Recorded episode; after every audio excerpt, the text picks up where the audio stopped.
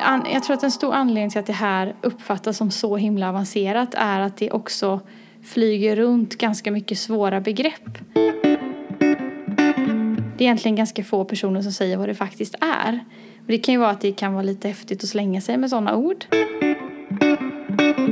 Eh, och så är det kanske många som heller inte förstår riktigt vad det är och då är det enklare att bara ge en ännu konstigare förklaring. Terminating program.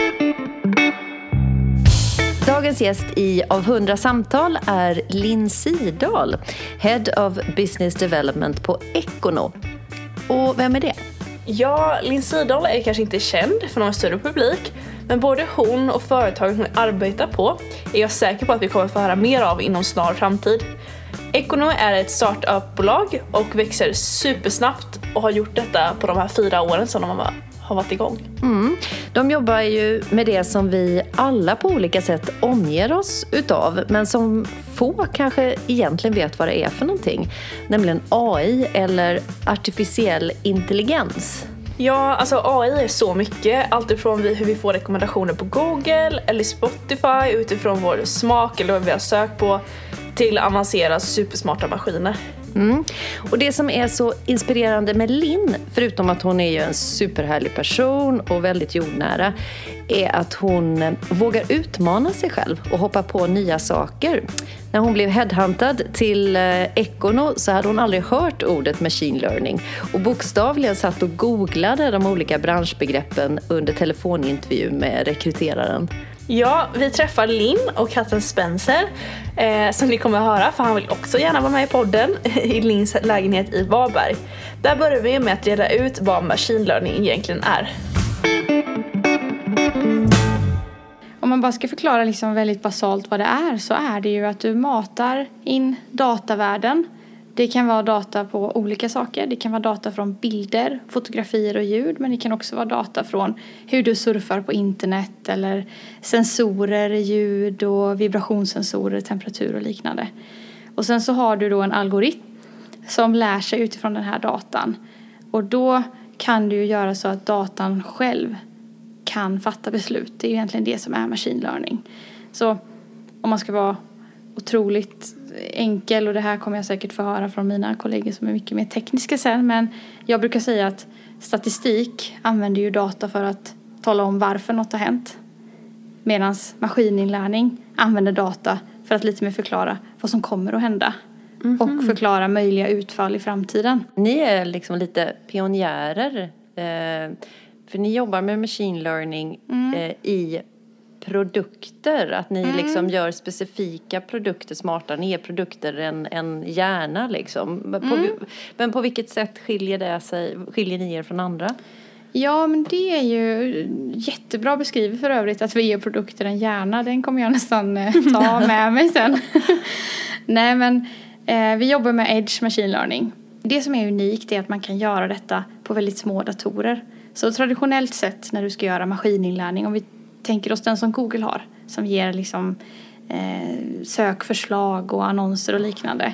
Den bygger på en jättestor mängd data på ditt beteende på internet som tränar en modell och som sen ger ett utslag då på vad du ska få för rekommendationer. Och för att kunna göra detta så behöver du först förträna modellen på otroligt mycket data. Så du behöver ha jättemycket data innan du börjar. Innan du kan få en färdig modell som överhuvudtaget säger någonting. Och sen behöver du en jättekraftfull dator för att kunna utföra det. Så det vi gör, vi bygger eh, modeller, alltså matematiska modeller som är mycket mindre. Och mindre, då menar jag att de tar mindre minne och mindre kapacitet.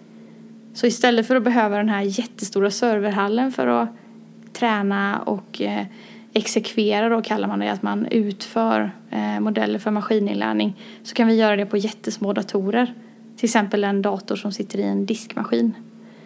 Och det som är skillnaden är att vi inte behöver den här jättestora mängden data innan för att träna. Och sen har vi också modeller som är väldigt mycket mer minneseffektiva om man ska förklara det på ett enkelt sätt. Och det är ju det unika då med, med vår lösning. Men vad, vad skulle du säga, alltså de stora vinsterna på att just göra olika produkter och maskiner intelligenta? Vad, är, vad skulle det vara? Har du något exempel? Ja, nej men det största, alltså den största vinsten med att göra det just som vi gör då på Edge eller ute på enheter om man ska säga det på, eh, med andra ord. Det är ju att en maskin kan förstå sin omgivning. Och om man tittar på till exempel en eldriven bil så finns det ju eh, algoritmer i den som talar om för dig hur långt du har kvar att köra. Och de är oftast generaliserade över alla bilar som har släppts. Så det spelar ingen roll om du kör en Tesla i Kiruna eller i södra Europa utan du kommer få ungefär samma utslag på hur långt du har kvar att köra efter x antal kilometer. Men givetvis om du kör i Kiruna och det är 20 minusgrader så har du väldigt mycket kortare körsträcka.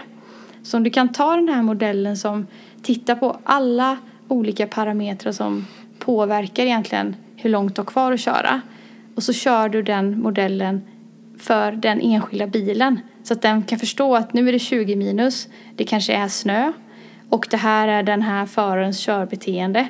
Det är också stor skillnad om du kör landsväg eller i stan till exempel. Så får du ett mycket mer exakt värde mm -hmm. på att nu när du kör så här så har du så här långt kvar att köra. Beroende på så här ser det ut alltså den känner in liksom, tar de alla de här olika? Ja, så i, i slutändan så får du ju maskiner, fordon, produkter som är mer intuitiva i det faktum att de förstår sin omgivning. De förstår att omgivningen, temperatur, luftfuktighet, hur det används, vem som använder det har en stor påverkan på olika faktorer helt enkelt.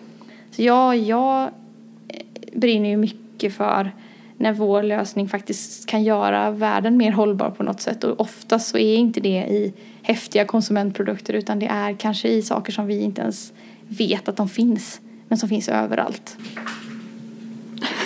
nu är det Spencer som... Hur går det Spencer? Det är nog lite spännande nu när det är liksom... Ja, han undrar vad, vad vi gör, varför vi har burat in oss här ja. i lilla kojan. Det är också tyger som hänger, det är ju liksom men när du säger värde mer hållbar genom eh, den här tekniken, är det liksom att vi kommer ifrån ett slit och släng-samhälle där vi liksom köper nya produkter hela tiden utan man, har, man använder de produkter mm. som redan finns på marknaden och bara uppgraderar mm. genom förbättrad mjukvara eller på vilket sätt eh, blir världen mer hållbar genom eh, machine learning om vi ska liksom prata lite generella termer? Ja, men precis. Men jag, jag kan ta ett exempel eh, på en... Vi har precis vunnit en stor tävling med mm. Husqvarna. Eh, och då har vi... Vår idé har varit att man eh, ska ha en eh, robotgräsklippare som egentligen kan användas för alltid. Så ehm, vi har, vi har gjort den här tävlingen nu och den har hållit på i några månader och vi har byggt liksom en demolösning kan man säga. Och där idén var att Jon, hans gräsklippare är sju år och sen använde vi en kollegas gräsklippare som var i princip ny. Och om man tittar på dem så har de nästan samma sensorer fortfarande. De ser ganska likadana ut hårdvarumässigt och sen är det ju en plastbit som åker runt i trädgården. Men ändå så slänger man den för att man vill ha en ny med lite nya funktioner. Trots att en gammal kan uppdateras. Och där, där ligger ju otroligt mycket idag på konsumenten. Att, och väldigt, det handlar väldigt mycket om det. Vi ska göra rätt val och vi ska ta bussen istället för bilen och allt vad det är. Men ganska lite handlar om att företagen faktiskt också måste göra det enkelt för oss att göra rätt val. Och det är klart att kan jag köpa en uppdatering till min gamla robotgräsklippare för tusen kronor eller vad det skulle kunna vara och få precis samma funktionalitet då tror jag många hade varit villiga att göra det faktiskt. Nej men det känns ju alltså bättre för samvetet att göra någonting, mm. ha kvar den. Alltså om det funkar och allt går bra, om man bara uppdaterar och vet att man får det, då känns det ju bara som om man gjort en win-win liksom. Mm. Jag tänker den som kanske kan sätta sig emot är tillverkaren som vill kränga nya produkter. Hur är liksom inställningen där? Jo men där är det, handlar det om att de behöver ju ändra sin affärsmodell till någonting annat. Om man, om man tittar på Husqvarna till exempel, jag menar tänk om de kan börja tjäna pengar på eh, robotgräsklippare som de producerade för fem år sedan. Det jag menar, cost of goods sold har ju blivit avskrivet redan. Mm. Men de kan börja tjäna pengar på dem igen. Det är en ganska häftig affärsmöjlighet som kanske väger upp det faktum att du inte ska producera exakt lika många. Sen kommer folk fortfarande köpa nya saker. Men det måste finnas ett sätt. Jag menar vi har ju en, vi har en mjukvaruutveckling som går jättefort. För machine learning det är ju AI, en del av AI, artificiell intelligens som eh, Yes. är ju ett sånt buzzword eh, Mm. som vi hör om hela tiden. Och en del i AI är ju det som man kallar för självmedveten AI. Eh, Just det. Mm. att maskinen blir tillräckligt smart för att kunna liksom börja förbättra sig själv Mm, på ett sätt som kanske människan inte riktigt kan kontrollera. Att, att maskinerna blir smartare än vi. Hur, hur ser du på det? Dels så är ju det, jag menar den, den delen inom AI är väldigt långt ifrån vad vi gör på ekonomen. Eh, jag kan nog tycka att de här domedagsprofetiorna som kommer från diverse forskare, det finns ju en ganska känd svensk bland annat eh, som heter Max Tegmark som har skrivit en väldigt tjock, tung, lång bok om hur AI kommer ta över världen. Eh, jag tror inte riktigt att det kommer hända. Jag oroar mig inte för det alls. Men jag tror det är sunt att utvecklingen ifrågasätts. Det tror jag däremot. För om man tittar på hur fort det går nu och hur fort andra utvecklingar har gått när vi har fått, jag menar det finns ju ganska många revolutioner som har hänt oss människor och de har ju tagit ganska mycket längre tid än det vi nu ser. Så det är väl jättebra att det finns kritiker. Men sen är jag lite sådär, jag tror att hela den här digitaliseringen av samhället den klumpas liksom ihop med AI och maskininlärning och alla andra skrämmande begrepp. Och så blir det bara som ett slags framtidshot där maskiner tar allas jobb, robotar blir elaka och alla människor kommer leva sitt liv genom en skärm. Jag tror inte det kommer hända men jag tror att, ja, men som sagt, jag tror det är väldigt, väldigt bra att man ändå funderar på det. Det är klart. Eh, men det är ju mycket tror jag grundar sig i att man inte riktigt kanske vet så mycket. Jag menar, vi vet ju inte. Och då finns det många människor som gärna vill säga att de vet eh, vad som kommer hända i framtiden. Och några är ju emot och några är för. Och det handlar väl alltid om i vems händer tekniken eh, hamnar på något sätt. Men det jag tänkte på det, du var ju inne på det här med alla dessa buzzwords och när man tittar lite på er hemsida så är det ju inte allt man förstår. IoT är ett begrepp, Internet of Things. Eh, Sen kommer vi in på lite mer hardcore, C-code. Platform agnostic, säkert självklarheter för andra men jag blir bortkollrad direkt. Vilka är liksom de hetaste buzzworden som man måste ha, bör ha koll på tycker du? Idag. Oj, nu kommer Spencer galopperande. Nej men alltså, för det första så är jag så allergisk mot buzzwords faktiskt. Jag tycker att det bara är, jag är medveten om att vi har det på vår hemsida.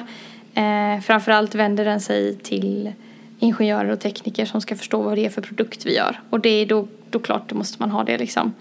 Om vi tar till exempel C-code så är det C-kod, alltså det är ett programmeringsspråk så det är egentligen ingenting som är nytt. Utan det är ett programmeringsspråk så som ni kanske känner till JavaScript och Python och liknande. Och Platform agnostic är egentligen att vi kan köra vår mjukvara på i princip vilken plattform som helst. Så det är, det är beskrivningar för, okay, men vad är det ekon är egentligen? Men sen finns det ju jättemycket buzzwords och jag tycker att de eh, missbrukas lite grann av teknikbolag för att eh, bortkollra och lite grann liksom ett tekniköversitteri mot eh, omvärlden. Man vill liksom nästan att man, ja men här är vi i den här lilla teknikklubben och ni förstår inte vad vi håller på med. Och då tycker man att det bästa sättet att förklara det är att bara använda massa ord som folk inte förstår. Men sen så tror jag, om man ska komma tillbaka till den frågan du hade innan, jag tror det är jätteviktigt att förstå vad är maskininlärning, vad är AI? Och förstå hur det används idag. Jag, jag har inget problem med att någon kollar hur jag surfar på Google. Jag, tror, jag kan tycka att det är ganska bra. Jag kan tycka att det är ganska skönt att få rekommendationer ibland. Menar, det är ju, men om, man ska ju veta att det görs. Man ska ju veta att allt du gör på nätet till exempel, det är ju data som är ett, det är ju värdet. Och oftast om någonting är gratis så är ju du själv produkten. Och så är det ju i Facebook och Instagrams fall. Och det, det tycker jag det är bra att man har den kunskapen. Jag tycker att den ska kommuniceras kanske ännu mer till yngre som lever sitt liv väldigt mycket på eh, nätet i olika forum. Eh, så jag tänker liksom, ja men det, det är viktigt att man ska förstå bara vad, hur påverkar det mig liksom? Eh, och sen så är det ju skitviktigt att förstå det här med eh, eh, service-based business model som vi har tittat på. Det är ju intressant att kolla på hur gör företag den här omställningen? Vilka förstår att de behöver börja sälja mer tjänster? Vilka förstår hur de kan tjäna pengar i framtiden? Det kan jag tycka är spännande ur just ett liksom, framtidsperspektiv om man börjar analysera men vilka branscher och vilka företag kommer finnas och vara väldigt starka om tio år och vilka jättar vi har nu kanske kommer ha dött ut. Så det är ju det är ett intressant begrepp som man kan läsa in sig lite på och också börja fundera själv liksom på hur man, hur man ser på det. Eh, jätteintressant, alltså det är verkligen mm. som du säger, alltså det här, man är ju så omedveten, alltså mm. jag som är lite yngre generation eller så är ju verkligen, man, har, man, man är inne på Instagram och sen bara, ah, jag har kollat mycket på det här och nu finns det i mitt flöde. Alltså man är väldigt sådär naiv mm. eller så, man tänker inte. Nej, och sen den här TikTok ja. har inte jag. Eh, för jag är snart 30 och då är man tydligen för gammal för TikTok. Men den förstår jag ju bygger bara på vad ja. du tittar på. Ja, ja, ja. Det ja. är ju verkligen, för det blir också lite beroendeframkallande eftersom ja. att den anpassas så mycket efter vad man tittar på. Så det är väldigt intressant. Men om vi ska switcha lite nu då. Mm. Eh, vad är det roligaste med jobbet? att det är så otroligt varierande. Eh, jag är en ganska rastlös person. Eh, jag tror aldrig jag hade kunnat ta ett jobb där jag gör samma sak varje dag. Och det gör jag verkligen inte utan det kan vara allt från att ja, men, spela in en podd med er till att eh, sitta och förhandla med kunder och i, med, om avtal till att titta på nya marknader, vara med i startup-program, tävlingar så det är ju jag gör ju tio olika saker varje dag egentligen och det är ju det absolut roligaste. Och sen är det jättekul att se hur Econo växer. När jag började så var vi sju personer och nu är vi 23 på två år. Och jag menar bara den utvecklingen har ju varit så rolig att vara med i och följa. Och det ser ju ut som att det bara kommer fortsätta i den riktningen liksom. Så det är ju det jag verkligen ser fram emot. Men som, eh, som vi har förstått det som så är det ganska lite tjejer i branschen. Mm. Varför är det så? Ja, men det finns säkert flera faktorer som har gjort att det är så. Jag menar, först och främst, många bolag i den här branschen är ju ganska nystartade. Och när man startar ett bolag så behöver man oftast ta in externt kapital och tittar man på hur riskkapitalmarknaden ser ut i Sverige bland annat så är den väldigt, väldigt dominerad av män. Det finns få kvinnliga investorer. Vi har ju en av dem i vårt bolag men det finns ganska få. Och jag tror att det har en stor bidragande faktor. Det, det är fortfarande en mansdominerad bransch att investera i bolag och då är det lättare om du är ett manligt grundargäng som går och möter dem. Och jag vet också att jag har, eh, jag vet inte om det är så mycket så i Sverige, men även utländska investerare som kanske ibland bemöter entreprenörer olika beroende på vilket kön man har, framför allt när det kommer till teknik. Att du är kanske inte beredd på att höra en kvinna prata om teknik och du har inte samma bemötande, du har inte samma förtroende för henne och det spelar ju jättestor roll. Och sen är det ju det faktum att tittar vi på hur könsfördelningen ser ut på tekniska utbildningar så är det fortfarande väldigt mycket killar. Och det är klart att då är det ett grabbgäng från KTH eller Chalmers som startar ett, ett eh, företag och sen är det ju väldigt enkelt att rekrytera sina andra killkompisar. Och det blir nog ganska bekvämt. För gruppdynamiken ändras ju när det kommer in en tjej eller kvinna. Det är ju, det är ju inget att sticka under stol med. Jag menar, vi, har, vi är ju olika. Och vi har ju helt olika kvaliteter. Och ett grabbgäng som är vana att vara sex, sju killar.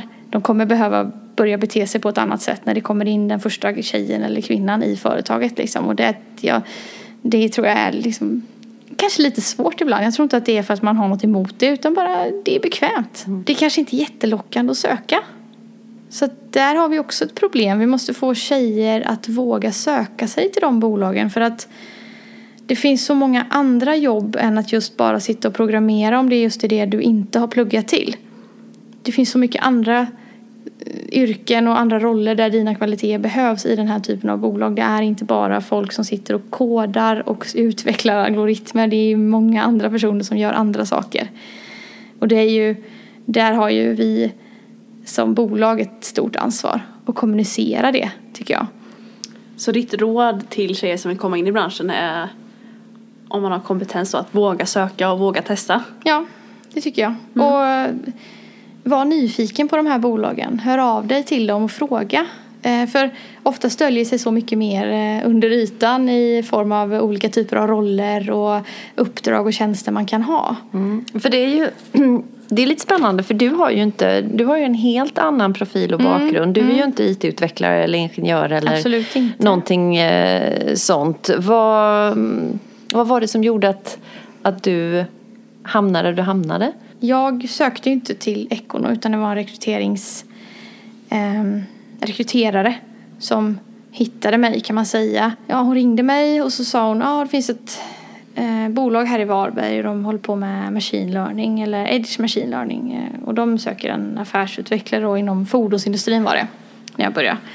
Är du intresserad? Så här. Eh, och jag var väl typ ett stort frågetecken. Jag fattade inte alls vad hon pratade om. Så jag sitter med henne i telefonen och börjar liksom googla då på edge machine learning vilket var Det var typ det sämsta jag kunde göra för då fattade jag ännu mindre. För då kommer man in på de här engelska hemsidorna med bara buzzwords liksom. Så man får ju sitta och man får också sitta och googla alla ord i texten som man har googlat fram. så så här, jaha nej och då var jag väldigt sådär, nej men det här är inte något för mig liksom. Jag kan ingenting om den här branschen. Hon var, men hon var ganska såhär, men nej men jag tycker ändå du behöver ingen teknisk kompetens, det är inte alls den, eh, det är inte alls den profilen. Liksom, kan du inte bara träffa vdn då? Och jag var så, ja, men lite grann, jag brukar alltid ha som inställning att ja, men tacka ja till saker liksom. Det är, vet ju aldrig vad det kan leda till. Så då träffade jag eh, Jon som är vd då tillsammans med henne. Och han sålde ju in liksom det här mycket mer affärsperspektivet i vad Econo gör och liksom möjligheterna som finns framöver och vilka typer av bolag de jobbar med och sådär. Och, och då var det ju för spännande för att tacka nej till. Helt eh, så.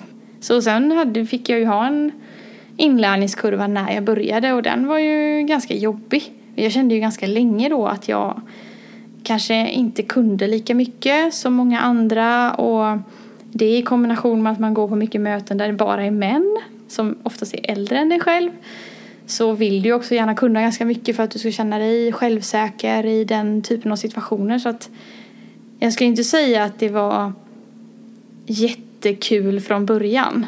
Det kan jag vara helt ärlig med att säga, det var det inte. Men när man har kommit över den pucken liksom och förstår att ja, men jag är faktiskt inte anställd här för att vara expert på maskininlärning. Jag är anställd för andra saker.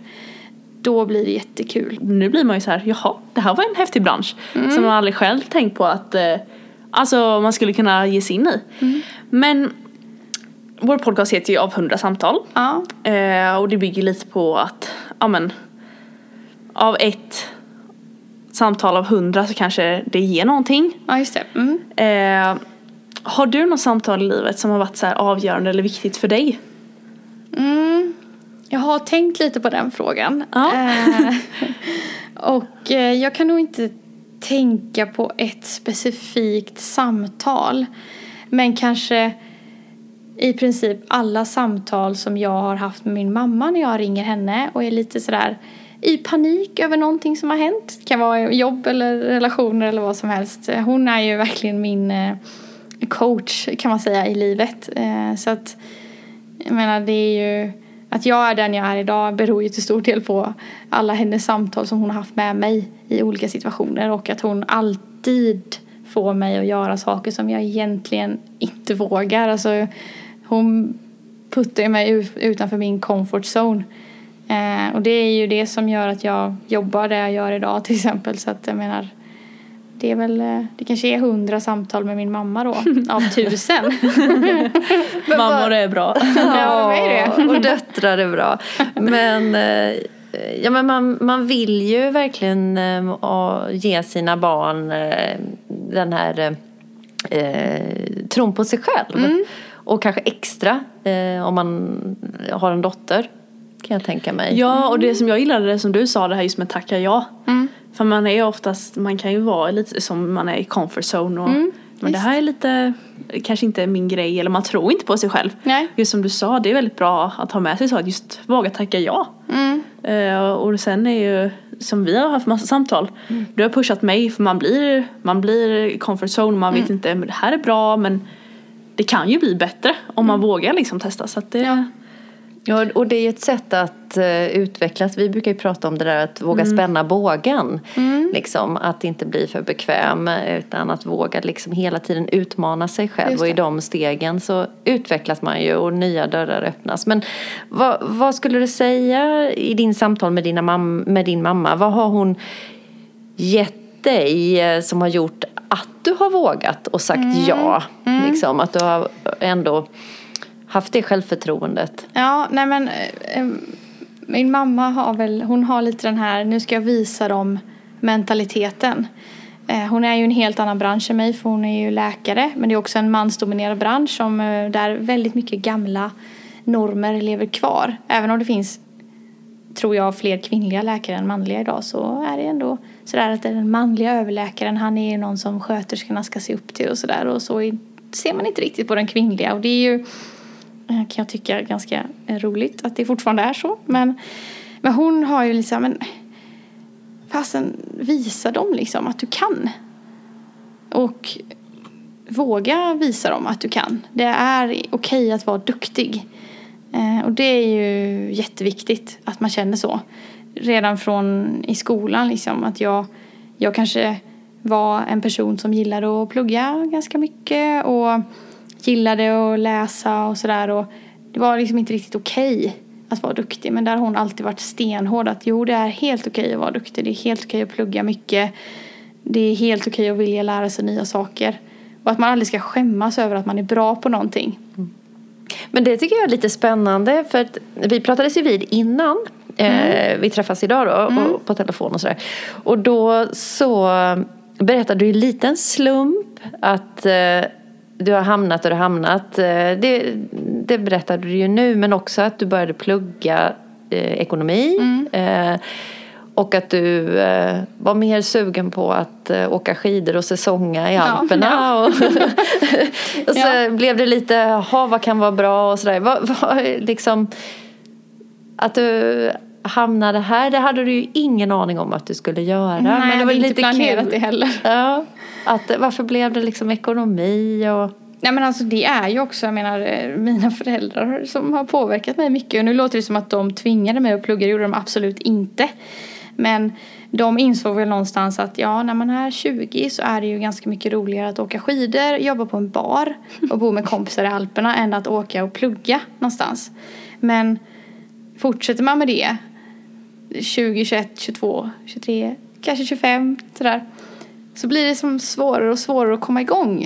Eh, och det kanske man ångrar senare i livet. Och de kanske har sett många av deras kompisar som kanske hamnar i den här situationen. Att man blir lite av en övervintrare. Som många är jättenöjda med och det ska man också vara tycker jag. Det finns inga normer på vad som är lyckas och inte. Men det finns också många som ångrar sig. Att varför, varför tog jag inte bara tag i det liksom? Och där var väl de ganska så här, men kom igång och plugga bara. Ja, Och för då hade du ingen vision av, du har inte Nej. vetat att det där ska jag bli, jag ska bli civilekonom Nej, eller? jag vet fortfarande inte vad jag ska bli när jag blir stor. Nej. Det får vi se. Men, nej, men jag började plugga på Chalmers ju.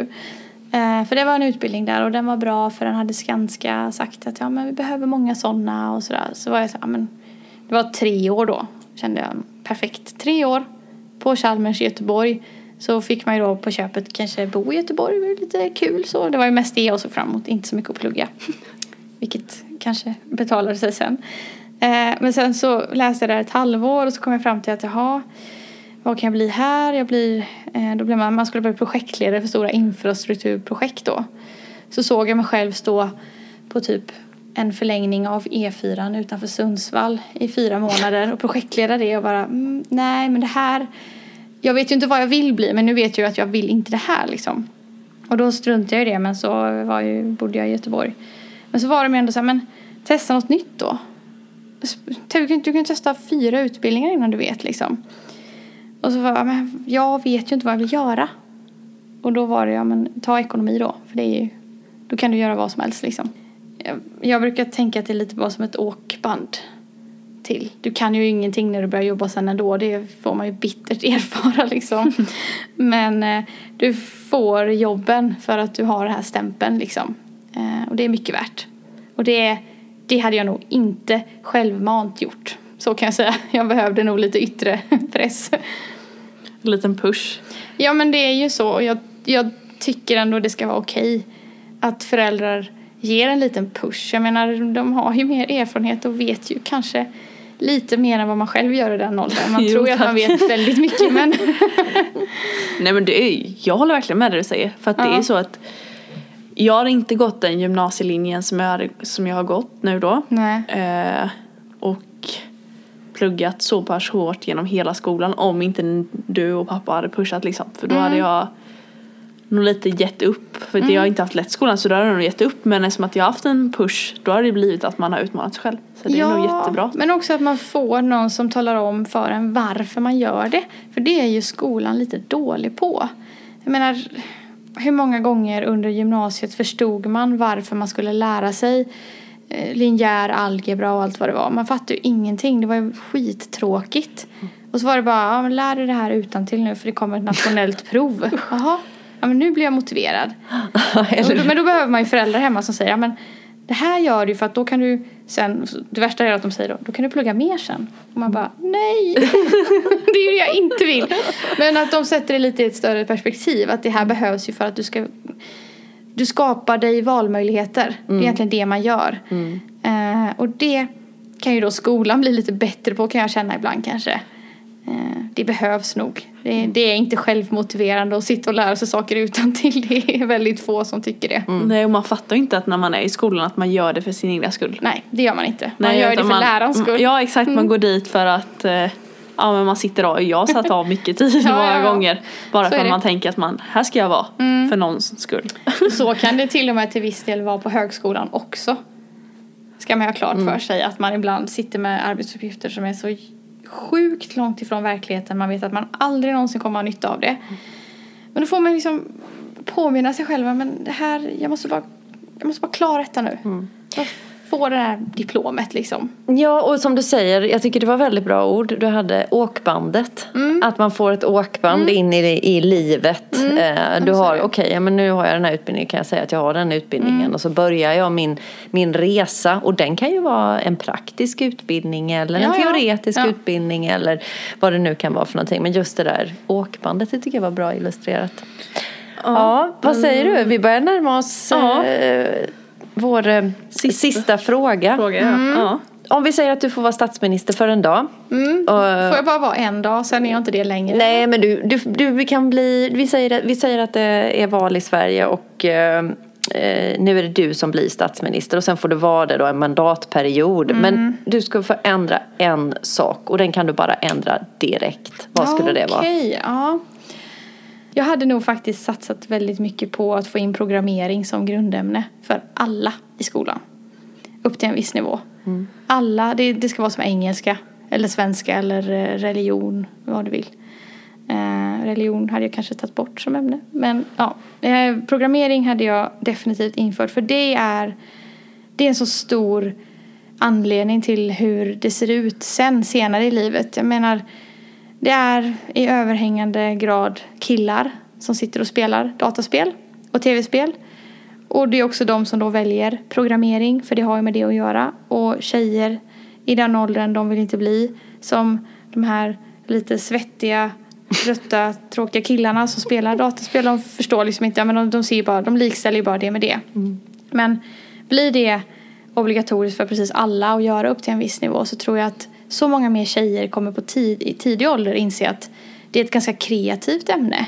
Där det finns jättemycket saker du kan utveckla, liksom häftiga appar och liknande. Och då tror jag att så många mer faktiskt också söker sig till den banan sen. Det, det hade jag gjort, definitivt. Men du, vad du säger egentligen så är det ju en, en jämställdhetsfråga. Mm, men det är På det ett ju. sätt. Mm. Nej, men jag tror att det, det, det måste ju börja ganska tidigt. Liksom. Att, och du, du måste ju... Man kan ju inte bara bestämma sig för att nu ska den här branschen bli jämställd. Nu ska det vara mer kvinnor här. Det måste ju också finnas ett intresse hos tjejer och kvinnor att vara i branschen. Och det kanske kommer då med att man förstår vad det är från början. Att det inte bara är killarna som gillar att spela data som håller på med det i skolan. Det är ju skitviktigt. Programmering kanske är den nya träslöjden istället. Istället för att sitta och bara... Ja men det tror jag faktiskt. Eh, Det är ju faktiskt en rätt bra jämförelse liksom. Men det är också en sån grej. Jag menar varför, varför gillar inte tjejer det? Det är också kreativt. Det är ju inte bara att du ska göra ett basebollrack. Det ville ju alla killar göra när jag gick i skolan. De ville svarva då. Men ja men det är, det är samma sak. Och det blir ju eh, väldigt inkluderande och Mm. att alla får lära sig de här grunderna Mm. och få en helt annan förståelse för ett samhälle som går otroligt snabbt när det kommer till utvecklingen. Ja, precis. Och det är liksom, det, men det, det, om det var liksom en grej så hade det absolut varit det första jag gjorde. Det tror jag. Vad spännande. Ja, Vad spännande. väldigt spännande. Men vi får hoppas att rätt personer lyssnar på det här programmet nu då. Precis. Verkligen. Vad, vad kul det var att träffa dig Linn. Så spännande. Ja, verkligen jätteroligt. Det var så kul att ha er här. Vad I tror köket. du? Ja, in, inbäddat i en liten Ja. poddstudio. Ja, det är väldigt varmt här inne. Ja, precis. Men du, tack så mycket för att vi fick komma och hälsa på dig. Ja, tack. Tack för att ni kom.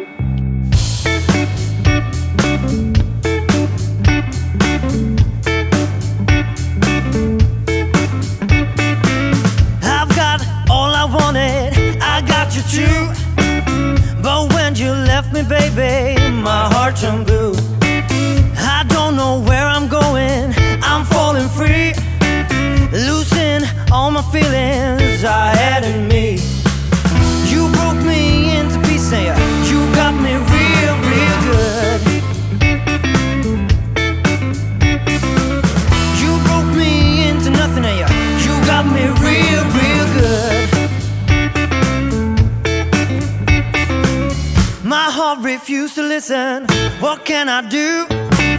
Backstabbing all my feelings. I feel for you. I don't know where I'm going. I'm falling free. Losing all my feelings I had in me. You broke me into pieces. You got me